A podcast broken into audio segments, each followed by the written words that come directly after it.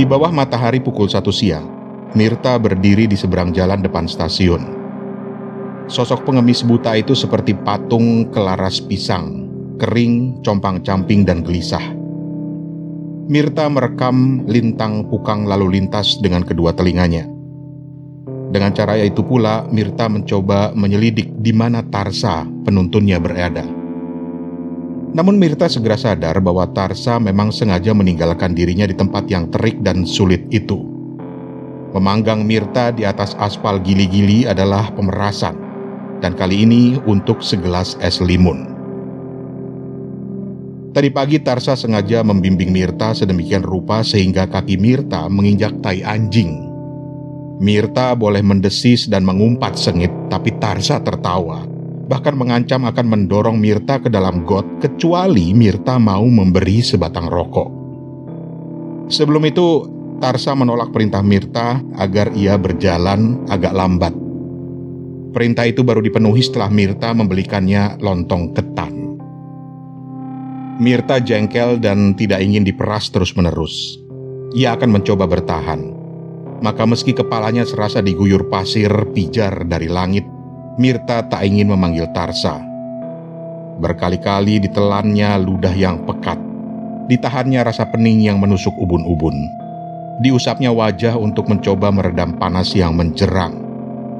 Mirta betul-betul ingin tidak menyerah kepada penuntunnya, dan matahari pukul satu siang tak sedetik pun mau berkedip. Sinarnya jatuh lurus menembus batok kepala Mirta dan membawa seribu kunang-kunang. Mirta mulai goyang. Ia bergerak untuk mencari tempat yang teduh dengan kekuatan sendiri. Kaki yang bergetar itu mencoba turun dari gili-gili. Namun sebelum telapaknya menyentuh jalan, klakson-klakson serentak membentaknya. Mirta terkejut dan surut. Kembali menjadi patung kelaras yang gelisah, Mirta berdiri goyang di atas gili-gili Kunang-kunang lebih banyak lagi masuk ke rongga matanya yang keropos. Kedua kakinya bergerak lagi. Kini Mirta bukan hendak menyeberang melainkan berjalan menyusuri trotoar. Mirta harus meninggalkan tempat itu kalau ia tidak ingin mati kering seperti dendeng. Namun baru beberapa kali melangkah, Mirta melanggar sepeda yang diparkir melintang. Sepeda itu tumbang dan tubuh Mirta serta merta menindihnya. Bunyi berderak disambut sorak-sorai dari seberang jalan dan itu suara Tarsa. Pemilik sepeda datang hanya untuk mengurus kendaraannya. Tarsa yang sejak tadi asik bermain yoyo di bawah pohon kerai payung di seberang jalan juga datang. Tapi Tarsa hanya menonton ketika Mirta bersusah payah mencoba berdiri. Tangan Mirta menggapai-gapai sesuatu yang mungkin bisa dijadikan pegangan karena tangannya gagal menangkap sesuatu, Mirta tak bisa tegak. Ia jongkok seperti mayat yang dikeringkan. Kepalanya terasa menjadi gasing yang berputar makin lama makin cepat. Kesadarannya mulai mengawang. Meski demikian, Mirta tahu Tarsa sudah berada di dekatnya. Panas, kan Mirta? Panas sekali, bangsat. Kata Mirta dengan suara kering dan samar. Sekarang kamu mau membelikan aku es limun, ya kan? Mirta tak menjawab. Namun Tarsa mengerti bahwa Mirta sudah tak tahan lagi berada lebih lama di bawah matahari. Tarsa juga sudah tahu bahwa Mirta menyerah. Maka tanpa tawar-menawar lagi, Tarsa membawa Mirta menyeberang dan berhenti dekat tukang minuman.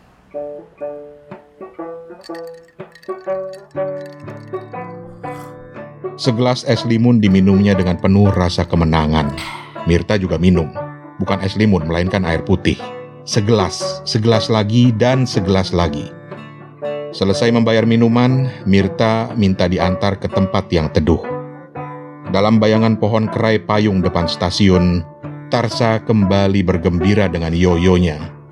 Namun Mirta duduk memeluk lutut, diam seperti bekicot. Tiga gelas air putih yang baru diminumnya muncul kembali ke permukaan kulit menjadi keringat untuk mendinginkan badan yang terlalu lama tersengat matahari. Rasa pening terus menggigit kepalanya, dan Mirta terhuyung ke samping karena tanah yang didudukinya terasa miring dan terus bertambah miring.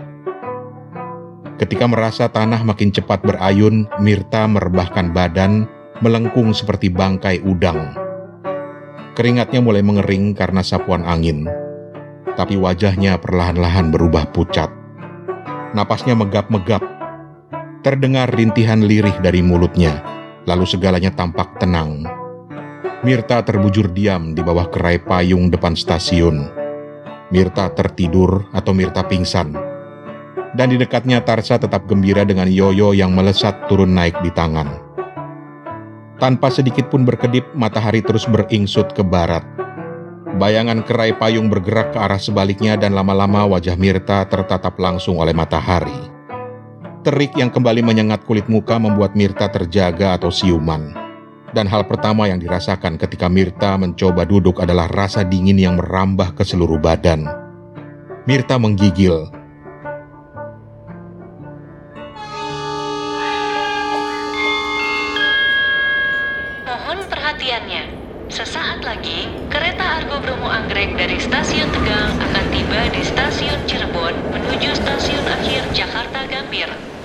Stasiun berdentang nyaring. Pengumuman berkumandang. Kereta akan segera masuk. Tarsa menggulung yoyonya dan berbalik ke arah Mirta. Kereta datang, Kang. Ayo masuk stasiun. Mirta tak memberi tanggapan. Ia hanya menggoyang-goyangkan kepala untuk mengusir pening. Kang, Kereta datang. Ayo masuk, nanti ketinggalan. Tarsa tak sabar. Diraihnya tangan Mirta. Kere picek ini harus apa lagi kalau tidak mengemis kepada para penumpang, pikir Tarsa. Tapi Tarsa terkejut ketika menyentuh tangan Mirta. Panas. Tarsa juga melihat bibir Mirta sangat pucat. Kamu sakit, Kang? Tidak, jawab Mirta lirih. Tarsa ragu, dirabanya kembali tangan Mirta. Memang panas dan bibir itu memang pucat. Tarsa bertambah ragu. Bila kamu tidak sakit, ayo bangun. Kamu kere bukan? Yang namanya kere harus ngemis bukan? Kali ini aku malas. Tapi uangmu sudah habis dan kita belum makan. Kamu juga belum kasih aku upah.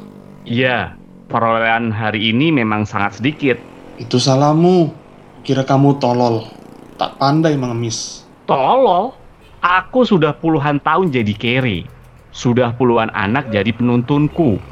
Tetapi baru bersamamu lah aku sering tak dapat duit. Jadi siapa yang tolol? Kang, aku sudah membawa kamu ke mana-mana. Kamu sudah kuhadapkan ke semua orang, ke semua penumpang. Jadi, kalau kamu tak dapat duit, kamu sendiri yang tolol kan? Kamu yang punya mata, seharusnya kamu bisa melihat orang yang biasanya mau kasih recehan. Di depan orang seperti itu kita harus lama bertahan. Omong kosong. Bagaimana aku bisa mengenali orang seperti itu? Betul kan? Kamu memang tolol. Perhatikan mata mereka. Orang yang suka memberi receh punya mata lain. Ah, tai kucing. Orang picek bisa melihat mata orang lain. Sudah kubilang, aku puluhan tahun jadi pengemis. Kata teman-teman yang melek, mata orang yang suka memberi memang beda. Tidak galak? Ah betul, itu dia. Dari tadi aku mau bilang begitu. Tarsa, kamu betul. Mata orang yang suka memberi tidak galak. Mata orang yang suka memberi, kata teman-teman yang melek, enak dipandang. Hmm, ya aku kira betul. Mata orang yang suka memberi memang enak dipandang. Tarsa nyengil.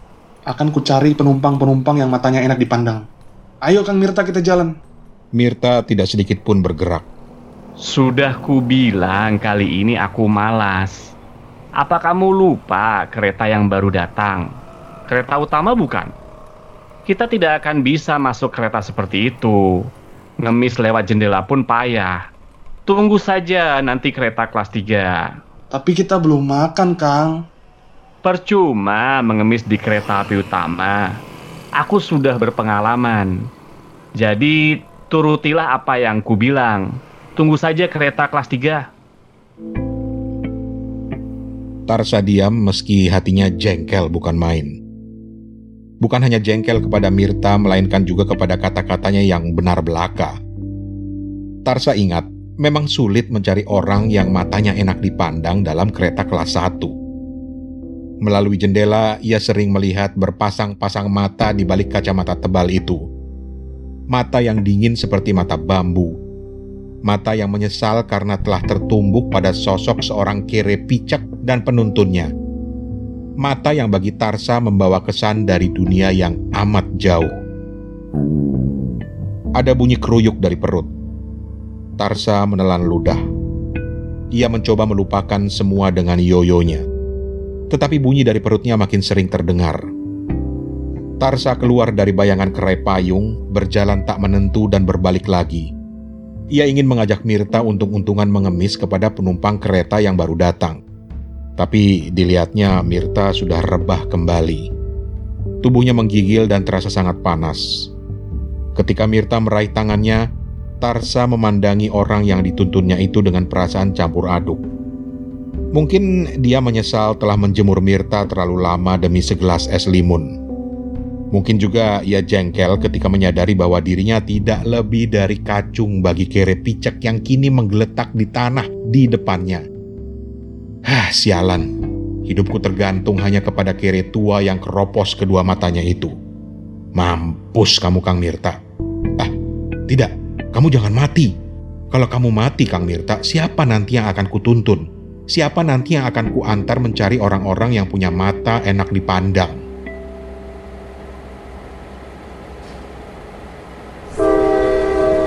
Peluit lokomotif berbunyi nyaring dan kereta kelas 1 berangkat.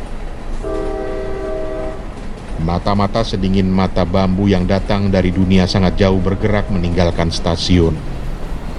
Matahari melirik tajam dari belahan langit barat ada pengemis buta terbujur lunglai di bawah pohon kerai payung depan stasiun. Tarsa sungguh menyesal telah memeras habis-habisan lelaki yang meski kere dan buta, satu-satunya orang yang tiap hari memberinya upah. Bahkan Tarsa mulai takut Mirta benar-benar sakit lalu mati. Dalam ketakutannya, Tarsa berpikir bahwa dia lebih baik tidak lagi menyiksa Mirta. Tarsa juga berpikir bahwa sebaiknya ia ikuti saja semua kata Mirta, hanya mengemis di kereta kelas 3. Dalam hati Tarsa mengaku, sebagai pengemis Mirta sudah sangat berpengalaman. Bel di stasiun kembali berdering. Diumumkan kereta lain akan masuk.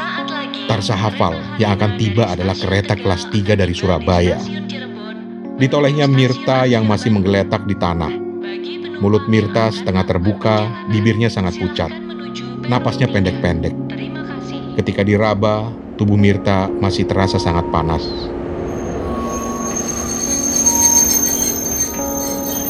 Kereta masuk dan remnya terasa menggores hati. Perut Tarsa berkeruyuk. Tarsa ingin menggoyang tubuh Mirta tapi ragu-ragu. Maka Tarsa hanya berbisik di telinga lelaki buta yang tengah tergolek itu. Lirih bisiknya. Mirta bangun. Kereta api kelas 3 datang. Ayo kita cari orang-orang yang matanya enak dipandang. Tak ada reaksi apa pun dari tubuh Lunglai itu.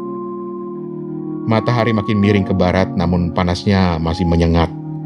Tarsa gagap, tak tahu apa yang harus dilakukannya. Mungkin tidak sengaja ketika dia mengulang berbisik di telinga Mirta. Kang, kamu ingin kuantar menemui orang-orang yang matanya enak dipandang bukan? Hening.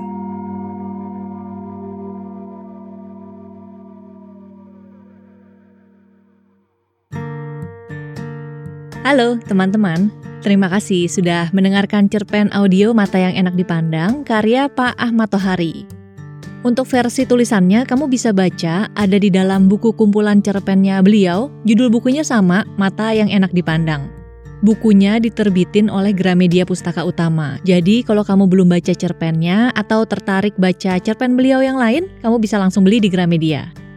Nah, tiga pengisi suara di cerpen ini tuh para podcaster buku juga nih. Mereka bertiga punya podcast namanya Kepo Buku. Aku rasa sih banyak dari kamu yang udah tahu lah ya ada Rane Hafid sebagai narator, kemudian ada Hertoto sebagai Mirta, dan ada Steven sebagai Tarsa.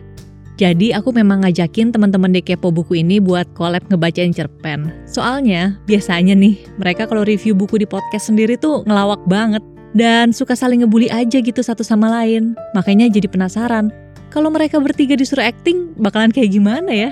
Eh, ternyata tantangannya diterima. Dan pas banget juga mereka milih cerpen mata yang enak dipandang. Soalnya tokoh di dalam ceritanya ini emang ada tiga orang. Dan setelah nerima tantangan, nggak lama mereka ngirim hasil rekaman suara dan podcast main mata yang menyunting hasilnya. Oh, kalau kamu ngeh nih, aku ikut ngisi suara sedikit juga di dalam cerpen ini, jadi suara announcer di stasiun. Terus setelah tadi kamu dengerin, menurutmu gimana nih hasilnya? Kalau aku sih suka ya, pastinya. Kasih tauin dong komen kamu.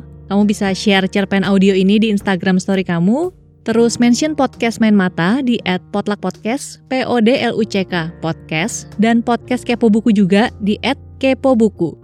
Kalau misalnya mau komennya lewat Twitter juga bisa, mention aja ke at podcast potluck dan at kepo underscore buku.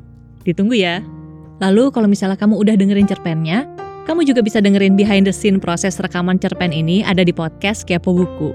Di sana mereka juga ngebahas buku kumcer mata yang enak dipandang tadi, jadi terima kasih sekali lagi. Jangan lupa follow podcast Main Mata di Spotify, kemudian dukung juga jaringan Potluck dengan subscribe di YouTube namanya Potluck Podcast dan follow juga di Instagram @potluckpodcast. Sebagai penutup, teman-teman dari Kepo Buku mau ngasih sambutan penutup nih buat kamu yang udah setia ngedengerin cerpen audionya sampai selesai. Dengerin yuk. Gimana toh, Fen? Hmm. Wah, susah. Susah apaan lu, enak sendiri lu, paling dikit dialognya. Tapi oke, buat teman-teman Hmm. pendengar podcast Main Mata kita harus ngasih kesan-kesannya dulu ya. Yuk. Eh, Steven, Steven, kesannya gimana, Fen? Eh, eh, kesan ketika membaca cerpen ini tuh nggak menyangka kalau eh, mendapatkan perantarsa gitu.